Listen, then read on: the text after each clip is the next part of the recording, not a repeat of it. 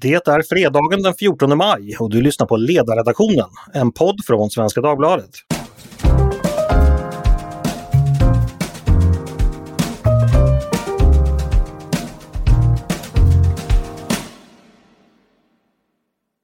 Jag hoppas att ni allesammans har en riktigt skön klämdag. Jag heter Andreas Eriksson. Det är som sagt den 14 maj, men det är inga främlingar jag sitter här med. Utan bland de som ska säga mig var de står finns väl valda delar av Svenska Dagbladets ledarredaktion. Det har nämligen blivit dags för ännu ett avsnitt då vi går igenom veckans händelser.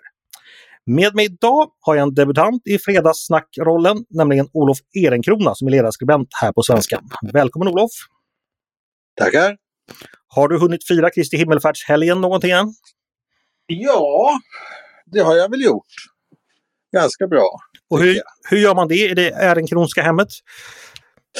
Ja, det är ju inte folknykterhetens dag som vi firar utan vi tar väl ett glas rosévin när det har varit på balkongen. Trevligt! Ja, det låter jättetrevligt.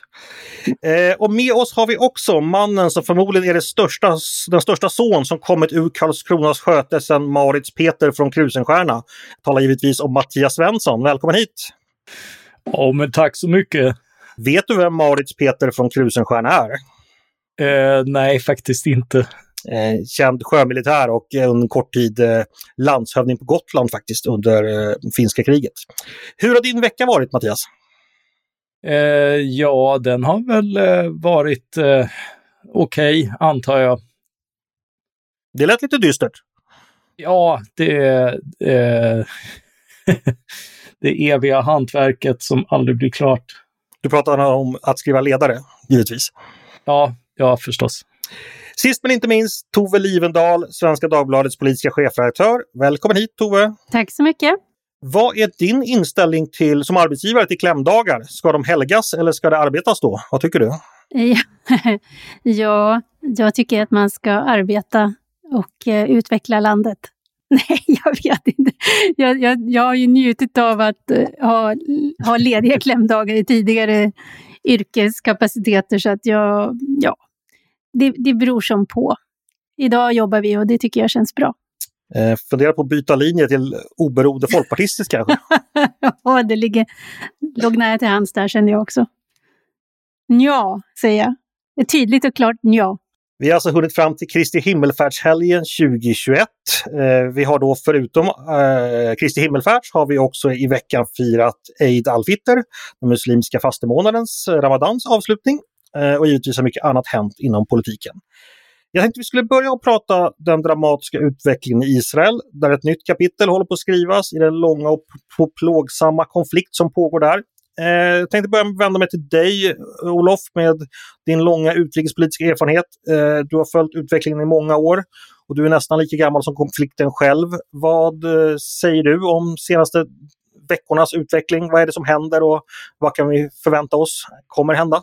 Ja, det, det som händer, eller har hänt, det har ju hänt tidigare också. Eh, det vill säga konflikten kring Gaza och, och mellan Israel och Hamas Eh, men eh, det finns ju ett nytt element i konflikten som är ganska oroande och det handlar ju om de interna, i Israel interna upploppen som har varit och den oro som är mellan extrema eh, eh, palestinska företrädare och extrema judiska företrädare. Och som, där polisen inte verkar ha riktig kontroll över situationen. Och det, det, det här är ett nytt mönster som vi inte har sett tidigare men som naturligtvis är väldigt farligt för Israel. Om det värsta skulle hända, vad, vad, vad, vad är det som är mest riskabelt just nu, menar du? Ja, det är ju att man får en, en, en identitetskonflikt inne i Israel som vi tidigare eh, inte har sett så mycket. Eh, tvärtom har Israel kunnat visa upp internt en ganska bra relation mellan den arabiska befolkningen och eh, den judiska befolkningen. Så att det här är ju en, en försämring av situationen som, som eh, eh, definitivt inte är bra. Eh, och jag såg att Netanyahu hade ju ett ganska närmast desperat, en des, närmast desperat vädjan till att få stopp på de här lynchningarna och huliganismen. Och där han ju så att säga vände sig till båda befolkningsgrupperna och sa att ni får inte ta lagen i egna händer, det, det, så får det bara inte vara. Eh, och det tyder ju på också att den israeliska ledningen uppfattar allvaret i situationen. Eh, jag tänkte att det här är ju en konflikt som märks av globalt väldigt mycket. Det är väl samtidigt en av de första större utrikespolitiska utmaningarna för Joe Biden som president också. Eh, vad finns det att säga om USAs roll just nu? Hur har Biden-administrationen förhållit sig och vad vet vi om dess inställning till det som sker? Olof? Det vi har sett hittills har varit ganska avvaktande. Eh, man sköt ju på eh, att kalla samman säkerhetsrådet till imorgon eller på söndag eller början på nästa vecka. Eh, och eh, Biden har ju en inte alldeles enkel situation eftersom han, han har ju en, en vänsterfalang i sitt parti som är eh, Eh, väldigt pro-palestinsk och anti-israelisk. Eh, samtidigt som den amerikanska politiken traditionellt sett ju snarare har varit mer pro-israelisk än, än, än, än, än, än neutral. Men eh, eh, det finns en försiktighet just nu i den, amerika i den, amerikanska, i den amerikanska retoriken som eh, är värd att notera. Eh, om det är för att ge Israel handlingsfrihet och slå till mot Gaza och Hamas, det är svårt att säga. Eller om det är helt enkelt att man av erfarenhet vill avvakta till dess känslorna har eh, lugnat ner sig något. Det talas ju nu om eh, eventuella ytterligare militära eh, operationer och en eventuell eh, markinvasion. Vad, har du några tankar eller spekulationer kring vad vi kan förvänta oss den militära utvecklingen framöver? Jag tror att Israel inte har så mycket att vinna på en markoperation i Gaza utan där de eh, har möjlighet att slå till Hamas utan att själv få lida alltför stora konsekvenser är ju med hjälp av artilleribeskjutning och flygbombningar. Så jag är inte säker på att vi får se en, en markinvasion. Eh, sen är det väl också på det viset att eh, det är de här interna oroligheterna som drog igång i samband med, med att man satte in militär i, i, eh, på Tempelberget i Al-Aqsa-moskén. Och eh, det har väl utlöst då eh, ja, våldsamheter också på andra ställen i Israel och jag undrar om inte den israeliska prioriteten kommer att vara att få lugn internt först.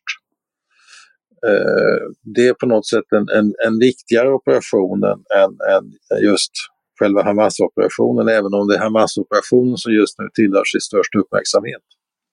Premiärminister Netanyahus eh, ställning, eh, hur skulle du beskriva den just nu och hur kommer den påverka vidare utveckling? det är väl en komplicerande faktor att både Hamas och Netanyahu på något sätt ändå har möjlighet att, att vinna på konflikten. Eh, Netanyahu var ju på väg att, att förlora regeringsmakten här eh, till en, en, någon slags samlingsregering eller koalitionsregering. Eh, och eh, den skulle ha innefattat då även den arabiska minoriteten i Israel. Nu har ju de där handlingarna naturligen stannat av, eller förhandlingarna stannat av och Netanyahu har kanske möjligheter nu, större möjligheter att, att klamra sig kvar vid, vid regeringsmakten eh, till följd av konflikten med Hamas. Eh, och Hamas har ju i sin tur eh, ett intresse av att det finns en, en eh, israelisk hårdför regering som har legitimitetsproblem i omvärlden. Mm. Och jag vänder mig till dig Tove. Eh, du har förstås också följt utvecklingen under veckan. Vad har dina tankar varit? Ja, det, alltså, det är ju den här kampen för att inte hamna i hopplöshet. Jag brukar ju liksom ha det som både krav på mig själv och andra, att man får liksom tycka och skriva nästan vad som helst, men man får inte fastna i liksom hopplöshet. Men det är svårt när det gäller den här konflikten och inte minst på grund av det som Olof eh, understryker, att det finns intressen som tjänar på att konflikten fortgår. Och den, eh, den, den, det, det gör det ju svårare att hitta den där lösningen som alla liksom på ytan säger sig vilja åstadkomma. Men det finns också förlorare i en, en fredlig lösning. Jag tänker så här, det här är en konflikt som vi alla har levt med i hela våra liv. Eh, den återkommer ständigt. Det som du säger Tove, det är lätt att falla ner i någon sorts hopplöshet. Eh, hur, vad ska man säga, som politisk chefredaktör och, och, och ansvarig för ledarsida, hur förhåller du dig till det här? Alltså, känner du att ja, man, man, det går nästan inte att ha några åsikter längre för att det är allt är sagt och allt är gjort? Eller känner du att det finns en, ja, förstår du vad jag menar? Hur, vad har du för upplevelse som liksom svensk opinionsbildare inför, inför detta? Nej, men jag tycker att man eh, måste ha ödmjukhet inför att den här konflikten har funnits så länge och är så djupt rotad. Och, men, men jag tror aldrig att man ska ge upp, utan rätt vad det är så inträffar de där sakerna som gör det omöjliga möjligt. Och en av de sakerna man kan göra i väntan på att det här, det här liksom, det är svårt att ha en tvärsäker åsikt. Det är klart att det, det gör saker som man kan eh, ha olika uppfattningar om. Och, eh, Olof sitter ju detta nu också och reder ut tankar åt oss som vi ska få ta del av på söndag. Men jag tänker på den podd som vi hade här i veckan var för mig ett konstruktivt sätt också att bara försöka förstå och få olika nyanser därför att mycket av det som sker eh, når ju inte nyhetsrapporteringen och att bara höra eh, de två poddgästernas beskrivningar av också vardagen och att de allra flesta eh, Eh, Eh, i Jerusalem lever fredligt sida vid sida. Det är också en bild som man måste lägga jämte det som tar sig till nyhetssändningarna. Den podden tipsar vi naturligtvis om. Vi hade då två gäster, båda som var på plats i Israel, nämligen eh, Benjamin, Benjamin Katzef Silverstein och eh, Anna Weder som berättade om sina upplevelser från platsen. Den sände vi i tisdags och den rekommenderar jag verkligen att lyssna på. Vi ska gå vidare eh, till nästa ämne och då tänkte jag, ja, jag stannar kvar vid dig Tove, för att du skrev nämligen en text i veckan som handlade om resursskolor. Det var nämligen så att du hade fått ett brev från en mamma till en tioårig pojke tror jag det var. Eh, vad stod det i det brevet och vad, vad handlade det om? Ja, det här är ju inte en ny fråga. Jag tror att det här var en av de allra första frågorna som jag skrev om 2013 när jag började eh, som politisk chefredaktör och den här frågan har varit en väldigt svår ända sedan dess och grunden handlar ju om att hjärnforskningen har gjort fantastiska framsteg de senaste decennierna. Och det har gjort att till skillnad från när jag själv gick i skolan och vi hade barn i klassen som inte kunde sitta stilla eller som inte kunde ta, tillgodogöra sig den, den undervisning som de flesta av oss andra klarade. De fick antingen gå ut och så blev de liksom, eh, ja, de blev liksom utpekade som, som omöjliga och krångliga ungar. Nu har hjärnforskningen gett oss liksom, kunskap om vad, det, vad, vad, som händer, vad det är som inte fungerar och hur de fungerar på annorlunda sätt. Och vi har fått diagnoser och vi har fått liksom, vi har kunnat definiera vad som faktiskt händer i hjärnan och det viktigaste av allt så har vi också fått kunskap om hur man kan möta det så att de också kan klara skolan med annan pedagogik, ett annat ett inlärningssätt. Och det blir dyrt därför att det kräver en helt annan personaltäthet Eh, vad de liksom, ja, de, de, genomsnittet, genomsnittseleven gör. Och i Stockholm så finns det då ganska många av de här barnen. Det är ju liksom en tätbefolkad ort och eh, det finns också då flest av, av eh, såna här resursskolor som kallas för, där man specialiserat sig på sådana barn. Och eftersom det är dyrt så har det varit en evig dragkamp med om de här skolorna ska kunna få det ekonomiska stöd som de behöver för att kunna fixa den här undervisningen. Och nu, det, har liksom, eh, det, det kommer betryggande besked ett tag och sen så blir det en ny budgetomgång och så dras det där åt. Och nu har då under en tid, under hela 2020, så har man har gjort om finansieringssystemet, ersättningssystemet och under hela 2020 så har då de fristående resursskolorna fått se hur de här tilläggsbeloppen som det kallas, eh, som är liksom det som kommer ovanpå en vanlig skolpeng, hur det har liksom avslagits. Och då innebär det att de här skolorna riskerar att behöva stänga. Och det är då deras, de, de, de elevernas desperata föräldrar som hör av sig. Och det är berättelser som är hisnande att ta del av, därför att det är ibland, skulle jag säga, en fråga om liv eller död, att ha ett barn som inte vill leva eller ett barn som kan mötas och få, eh, ja, få tillräckligt mycket motivation för att gå iväg till skolan. Så att det är ju väldigt mycket som står på spel och det finns anledning att titta på det. Den här pojken då vars mamma hörde av sig hade ju då gått i en kommunal skola där han mer eller mindre hade hamnat instängd i en källare med en, utan tillgång till eh, ja, den undervisning eller den personal han behövde. Men så hade han då fått byta skola som jag förstod det till en där som fungerade mycket Ja. bättre. Intressant. Ja, och det, och det är Så att klart det- att, det med, sen är det ju, det är ju två ekonomer som för Skandias räkning för några år sedan räknade på vad det kostar att barn inte klarar skolan. Man får hemmasittare och ofta så är det ju då att det finns kanske någon diagnos i grunden. Och det är ju inte bara det barnet som inte klarar skolan, utan ofta så är det ju så att då får minst en förälder vara hemma och inte gå till jobbet. Och det blir liksom det blir konsekvenser i många, många led. Förutom då att den här personen inte får någon vettig framtidsmöjlighet att kunna klara sig själv i samhället. Jag läste någonstans att bara i Stockholm står det 6 000 elever i kö till fristående resursskolor. Eh, bara en femtedel kan beredas plats. Det finns alltså väldigt stora behov här. Eh, hur ska politikerna lösa det här? Är det mer pengar och resurser? Det, det, det, så helt enkelt det det handlar om. Ja, I det här fallet, man brukar, det, det, är, det är en god regel att säga att pengar inte löser problem automatiskt. Men i det här fallet så är det klart att det, är skillnad, det blir skillnader om du kan sitta med tre i en grupp eller om du kan undervisa 30 samtidigt. Och det blir mer personalintensivt och så. Men här skulle ju fler kommuner behöva jobba med det som de här nationalekonomerna föreslog, att titta på en budgetering som går förbi de här fyraåriga mandatperioderna eller ettåriga budget, eh, budgetarna. Därför att just kostnaderna i andra änden blir så märkbara. Alltså går, du- klarar du inte skolan så kommer du att år för år att fortsätta rendera eh, samhälleliga kostnader medan du istället om du får en extra skjuts och kan ta dig igenom skolan sen kan bli självförsörjande och stå på mycket ben. Så det, det är liksom det är det där att man skulle behöva hitta och det där har förslaget där som Skandia gör och jag tror att man har provat och tittat på det i, i, i olika kommuner. Det är att man på något sätt gör ett handslag om att en viss del av pengarna måste få chans att verka långsiktigt. Eh, och då måste man kunna komma överens om det över, över liksom blocken eller de liksom opposition och majoritet som finns. Därför att vi talar liksom om investeringshorisonten på de här barnen är liksom 18 år. Det är inte ett år.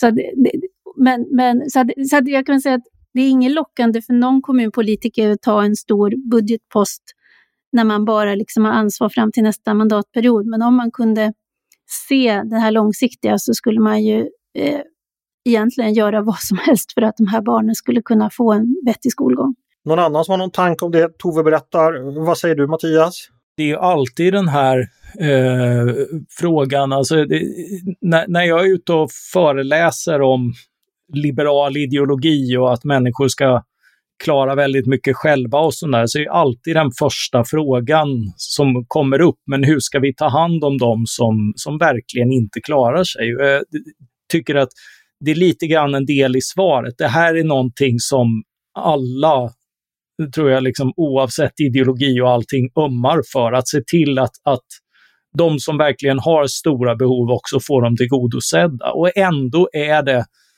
på marginalen eh, ofta de här grupperna som hamnar mellan stolarna när, när det är liksom det, träts om det är kommunen eller regionen som ska finansiera sommarvistelser och, och när, när de här resursskolorna eh, när det verkligen kommer till kritan så är det deras budgetbehov som lite grann eh, får stå tillbaka. Men, men om man frågar vad folk tycker så tror jag att det här, det här är liksom en, en sån fråga där det faktiskt finns stöd för, för att det här, det här får kosta.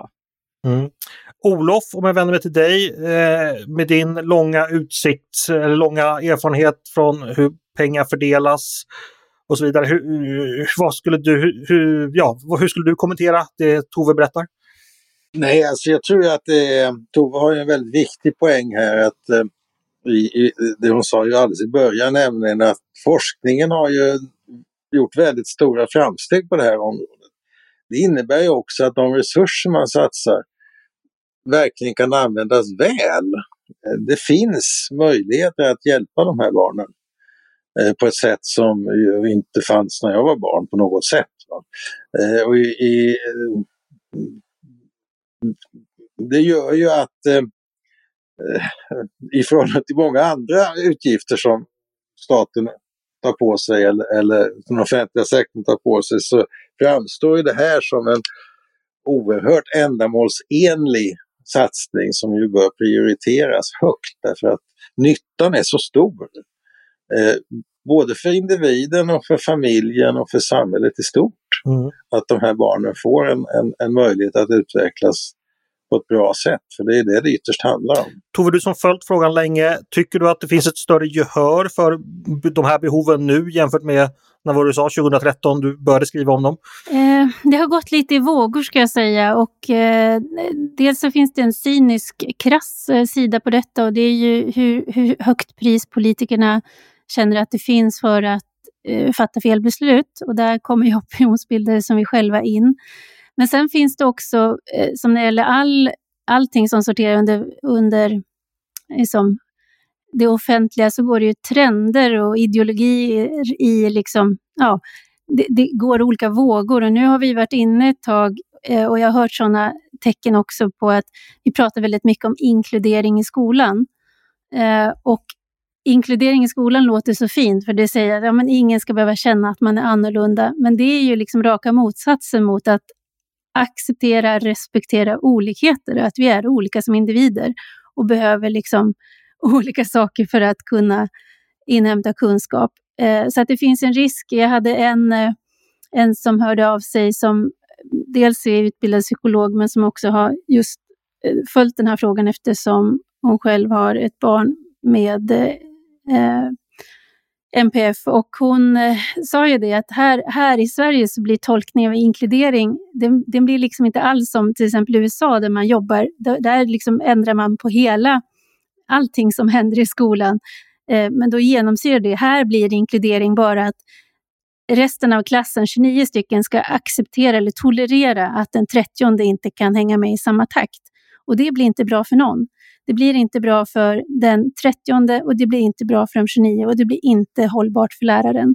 Så att istället för att till varje pris, det, naturligtvis, sen finns det då beroende på vad du har för ja, på det enskilda barnet, vad, hur diagnosen ser ut och hur tillståndet är, så finns det olika grader och det är klart att det finns vissa som kommer att kunna tillgodogöra sig, kommer att kunna funka och man kanske har en extra resurs i det där klassrummet och det kommer att kännas bra för alla.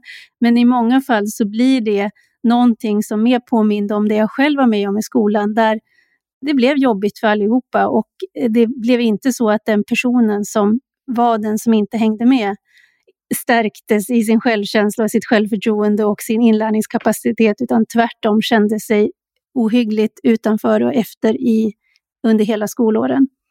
Så att det här är ju, det, det, jag ska säga att det beror lite grann på vart man befinner sig i landet. Nu är ju Stockholm det, den plats där det finns flest alternativ också. Det finns ju, jag har ju kontakt med många eh, ute i landet som inget hellre önskar än att det fanns en resursskola på deras ort. Det finns inte överallt.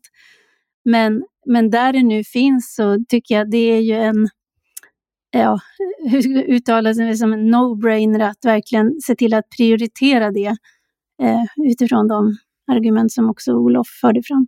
Vi får säkert anledning att återkomma eh, till detta. Eh, det är dags att gå vidare. Igår var det ju inte bara Kristi himmelfärds. Eh, det var också någonting så spännande och roligt som folknykterhetens dag. Eh, så vi fortsätter ju på, på, samma glada tema här. Först krig i Mellanöstern, sen, sen, barn som inte trivs i skolan och nu alltså folknykterhet. Och det kan man knappast undgå att uppmärksamma, i alla fall inte om man i sin panel har med Mattias Svensson. Så Mattias, hur firade du folknykterhetens dag igår? Eh, med öl och fotboll. Det låter bra. Eh, du har ju skrivit en bok bland annat om nykterhetsrörelsen och dess betydelse historiskt för Sverige. Vad är det viktigaste i den berättelsen om hur nykterhetsrörelsen har påverkat vårt land, tycker du? Det, det, är ju en av de stora folkrörelserna som, som föder det moderna Sverige.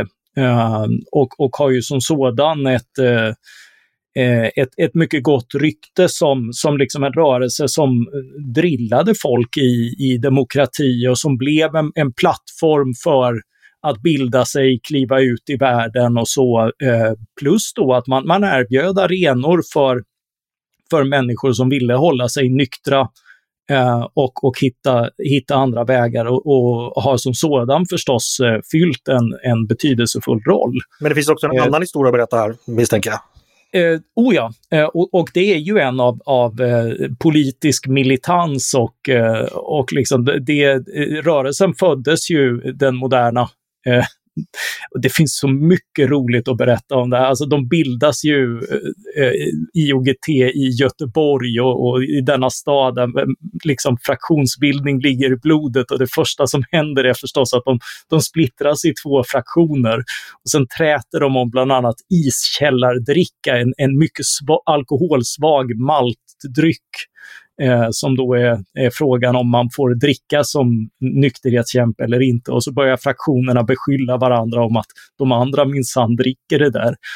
Eh, och, eh, eh, och så vidare. Men, men med tanke på hur stor rörelsen en gång var så kan man ju idag konstatera liksom hur, hur mycket mindre av det där det finns. Och det är ju mycket på gott därför att, därför att de driver inte längre frågan om alkoholförbud som, som hade varit en katastrof här som, som det var i USA eller i, i våra grannländer Finland och Norge som också prövade att, att totalförbjuda eh, sprit och i vissa fall annan alkohol. Eh, men eh, idag då, den här, nu, nu har de utökat det som från början hette nykterhetsfolkets dag och det var kanske mer, mer adekvat. Eh, det, det är ju numera en folknykterhetens vecka eh, med, med en massa eh, kampanjer. Och jag noterar då att kampanjen handlar om att försöka skrämmas för eh, eh, gårdsförsäljning. Eh, och det, det är lite anmärkningsvärt av två skäl. Dels för liksom att det, det, det är svårt att se faran i detta egentligen om man inte eh, Eh, ska koppla det till liksom en massa eh, kedjereaktioner där Systembolagets monopol försvinner. Och det är ju egentligen mest ett, eh, ett problem för Systembolaget och inte för så många andra, vilket David Sundén har visat i sin, sina rapporter om, om eh, de där studierna. Eh, sen det andra är ju allt de inte reagerar på, alltså den historia av liberalisering. För det är ju en, en eh, det är ju intressant att, att Sverige sägs ha en så stolt historia av alkoholpolitiska restriktioner, men inte ens nykterhetsrörelsen är riktigt pigg på att, att återinföra någon av De jublar ju inte ens över att krogarna stängts nu under pandemin. Mm. Men på det hela taget, vad skulle du säga, har nykterhetsrörelsen varit po- övervägande positiv eller övervägande negativ för vårt land ifall du får ge ett sammanfattande omdöme? Eh, eh, de, de är intressanta på det sättet att de visar att parallellsamhällen med, med en extrem politisk agenda inte behöver vara farliga för ett, ett, ett demokratiskt samhälle. Därför att vad som hände när, när eh, den här radikaliserade rörelsen gick upp i, i demokratin var att, att de i många utsträckningar avradikaliserades och deras, deras faktiskt viktigaste och största avtryck på politiken var att bidra till att avskaffa de restriktioner vi faktiskt hade med motboken och individuella personkontroller som en, dag, en, en gång i tiden kom till för att mota totalförbudet. Men, men då reste sig totalförbudets vänner och såg till att vi sedermera, förvisso 30 år senare, 1955, blev av med också det. Och idag är det ju mest intressant som, uh, som lite grann uh, vad folkrörelser har blivit idag, nämligen liksom mest, mest en form av, av kampanj Eh, organisationer för byråfolk och mer, mer liksom av Systembolagets militanta gren. Mm, just det. Varför heter det motbok förresten? Är det för att man ska mota alkoholförtäring? Eller? Det faktiskt... Nej, det hade med, med eh, ransoneringen att göra. Du, du kvitterade. Eh, så det, det, var någon, det var någon sån term. Just det. Om motboken hade funnits idag, hade du fått motbok då tror du? Eh, det är ju intressant därför att man var ju tvungen eh, på många ställen att, eh, att svara rätt på frågan om man eh, såg motboken som ett bra politiskt system och, och bättre än, än, än, att, man, att man fick köpa, köpa vad man tyckte var lämpligt.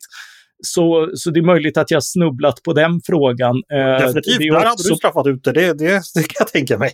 Ja, och sen också hembesöket är jag lite rädd för. Eh, de var ju obligatoriska och jag är inte jättebra på att städa. Och, eh, och, och, eh, men, men du hade väl ställt, ställt upp som vittne vittne på att jag lever ett nyktert och ordentligt liv i alla fall. För två sådana var man tvungen att ha också. Faktiskt, och som före detta chef en gång i tiden för dig också så tror jag mitt ord hade vägt. För det, det vet jag ju, du är inte den som slarvar med arbetsuppgifter eller beter dig präglas av misskötsamhet i övrigt. Men det hade nog kanske blivit då att brygga bultöl i dyngstacken för din del då, alltså med tanke på din politiska ställning. Eh, vad säger du Olof, har du stött på nykterhetsfolk och vad, vad tycker du om den här rörelsens betydelse för, för landet? Nej, men i början var det väl ändå så att, att vi hade väldigt stora alkoholproblem i, i, i Sverige med, med framförallt i, i vissa grupper som, där man söp något alldeles förskräckligt. Och det är klart att det där eh, tror jag ändå att nykterhetsrörelsen bidrog till att, att dämpa. Eh, så att det, det tycker jag man ska ändå ska hålla dem räkning för. Sen blev det ju mer och mer bisarrt och motbokstiden var ju väldigt egendomlig. Eh, med restriktioner på krogarna och man var tvungen, man bar in och ut torra smörgåsar för att folk skulle kunna få ta sig en snaps och sådana saker. Men en sak som jag tycker ändå är intressant och det var att eh, i Finland eh, så hade man ju förbud Eh, och min morfar som var en mycket laglydig man, han var så laglydig så att när han eh, skrev privata brev så la han ifrån sig Åbo Akademis penna som han disponerade som egenskap av rektor för akademin. Tog sin privata penna och skrev brev. Det... Men min mor fick aldrig öppna dörren under förbudstiden därför att det, det kunde vara sådana som, som kom med, med svartsprit till honom. Jaha. Så att man lyckades kriminalisera min morfar, vilket jag tycker då betraktas som en väldigt stor prestation. Men det säger en del om, om faran med den här typen av förbud och regleringar. Ja, det, det, det kom ju ett skämt nu när, när finnarna eh, drabbades av utegångsförbud på nytt, men man fick undantag för att gå ut och köpa sprit. Och då sa de ju det att tidigare Tidigare var man tvungen att, att ljuga om vad man gjorde ute när man gick ut för att köpa sprit. Och, och, nu får man säga att nu får man ljuga om att man ska köpa sprit för att få gå ut. ja. Ja, men eh, tack för den här inblicken i nykterhetsrörelsens historia Mattias. Jag kanske ska tipsa om din bok också. Den heter eh, Så roligt ska vi inte ha det. Eh, och den är utgiven av Timbro. Den kan man läsa. Visst är det Timbro förresten? Ja, det är det. Ja, det är Timbro. Ja, just det. Jag var ju redaktör för den, herregud. eh, ja, vi ska gå till kvällens, eller dagens sista ämne. Då ska jag gå till dig Tove. Vi ska nämligen fortsätta vår serie eh, Ledarsidan, så funkar det. Du ska få svara på en mycket enkel fråga, men den kanske är samtidigt mycket svår. Eh, den lyder så här. Håller du med om allting som skrivs på ledarsidan? Nej. Det var så här, God morgon världen panel, kort svar. Nu får du ställa en följdfråga. Precis. Eh, är det i så fall eh, ett bekymmer och får man skriva hur långt som helst bortan för vad du själv tycker? Alltså vilken roll spelar dina egna åsikter som politisk chefredaktör som riktlinje för oss andra? Ja, nej men så här. Eh, jag tycker att det viktiga Eh, Eh, alltså vi har en viktig uppgift att bidra till en bättre debatt och med en bättre debatt så menar jag då inte nödvändigtvis att den ska resultera i att folk tycker precis som jag, utan att den blir mer liksom grundad, att argumenten blir väl genomlysta och att människor själva sen utifrån det vi för fram kan fatta egna liksom, beslut som de tycker är välinformerade.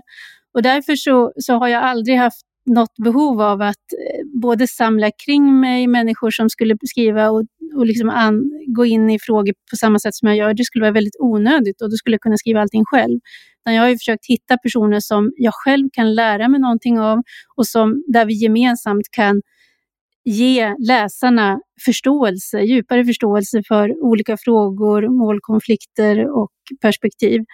Och det gör ju att ibland så, och eftersom vi då skriver ganska lite osignerat som vi varit inne på tidigare och med i större utsträckning skriver signerat, vilket innebär att skribentens egna perspektiv kan få en större tyngd, så, så blir det naturligt så att jag inte alltid landar på samma slutsats. Men eh, en viktigt, ett viktigt krav är ju transparens i argumentationen. Att jag måste kunna förstå och tycka att det är klart och tydligt argumenterat. Och är det det och Eh, så, så tycker jag då, och, och det är liksom argument som känns rimliga, då, då kan de absolut få föras fram. För då tänker jag att det blir bra tankemotstånd för andra, inklusive mig själv. För det händer ju ganska ofta när folk blir förbannade av, över någonting som skrivs på ledarsidan eller någonting som ledarskribenter skriver i, i andra sammanhang på sociala medier kanske. Att man uh, golpingar in dig. Titta Tove, nu har någon skrivit något dumt, eh, gör någonting. Eller liksom, vad säger du om detta? Eh, att du så att säga ses som ansvarig för alla typer av åsiktsyttringar som kommer på ledarsidan. Eh, hur ser du på ja, det? Alltså jag har ju ansvar för att vi följer liksom en god publicistisk sed och liksom att det inte sprider medvetna lögner och om vi skulle bli påkomna med att ha sakfel så ska vi rätta dem. Men annars så är, är jag eh, av tron att debatten blir bättre ju frimodigare den är och ju fler perspektiv som får brytas mot varandra. Så att svaret på frågan hur många eh, avvikande röster Sverige tål är ju att vi borde tåla fler. Därför att vi har, vi har ju en en dragning åt det konforma. Det är inte för inte som vi pratar om åsiktskorridorer och, eh, och, och likhet och homogenitet. Det, det, är, tycker jag, ett handikapp vi har och dessutom har vi ett litet språkområde. Så kan vi då också bidra till att, att vidga den korridoren så tycker jag det är bra. Och eh, vi brukar ha runt ungefär hundra olika röster under ett år på ledarsidan som förekommer.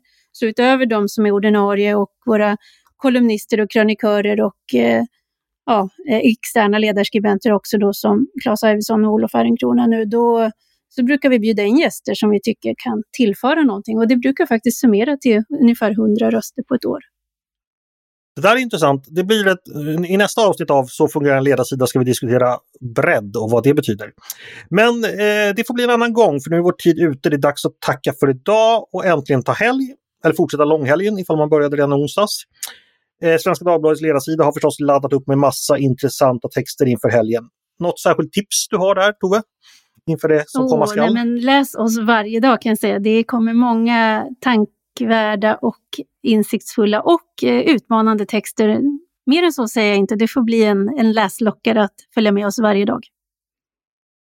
Och givetvis kommer vi också återkomma i poddform. Eh, nästa vecka ska jag förhoppningsvis bjuda på fem fullmatade poddar om aktuella ämnen. Hör gärna av er med tips om vad ni vill höra. Mejla ledarsidan snabel svd.se. Eh, innan jag tackar helt för idag ska jag passa på att tipsa om eh, ytterligare en podd. Vår eh, andra podd på Svenska Dagbladet, nyhetspodden Dagens Story. En kvart varje dag får du fördjupning i ett aktuellt ämne. Men det här har varit ledarredaktionen eh, med Olof Ehrenkrona, Mattias Svensson och Tove Livendal.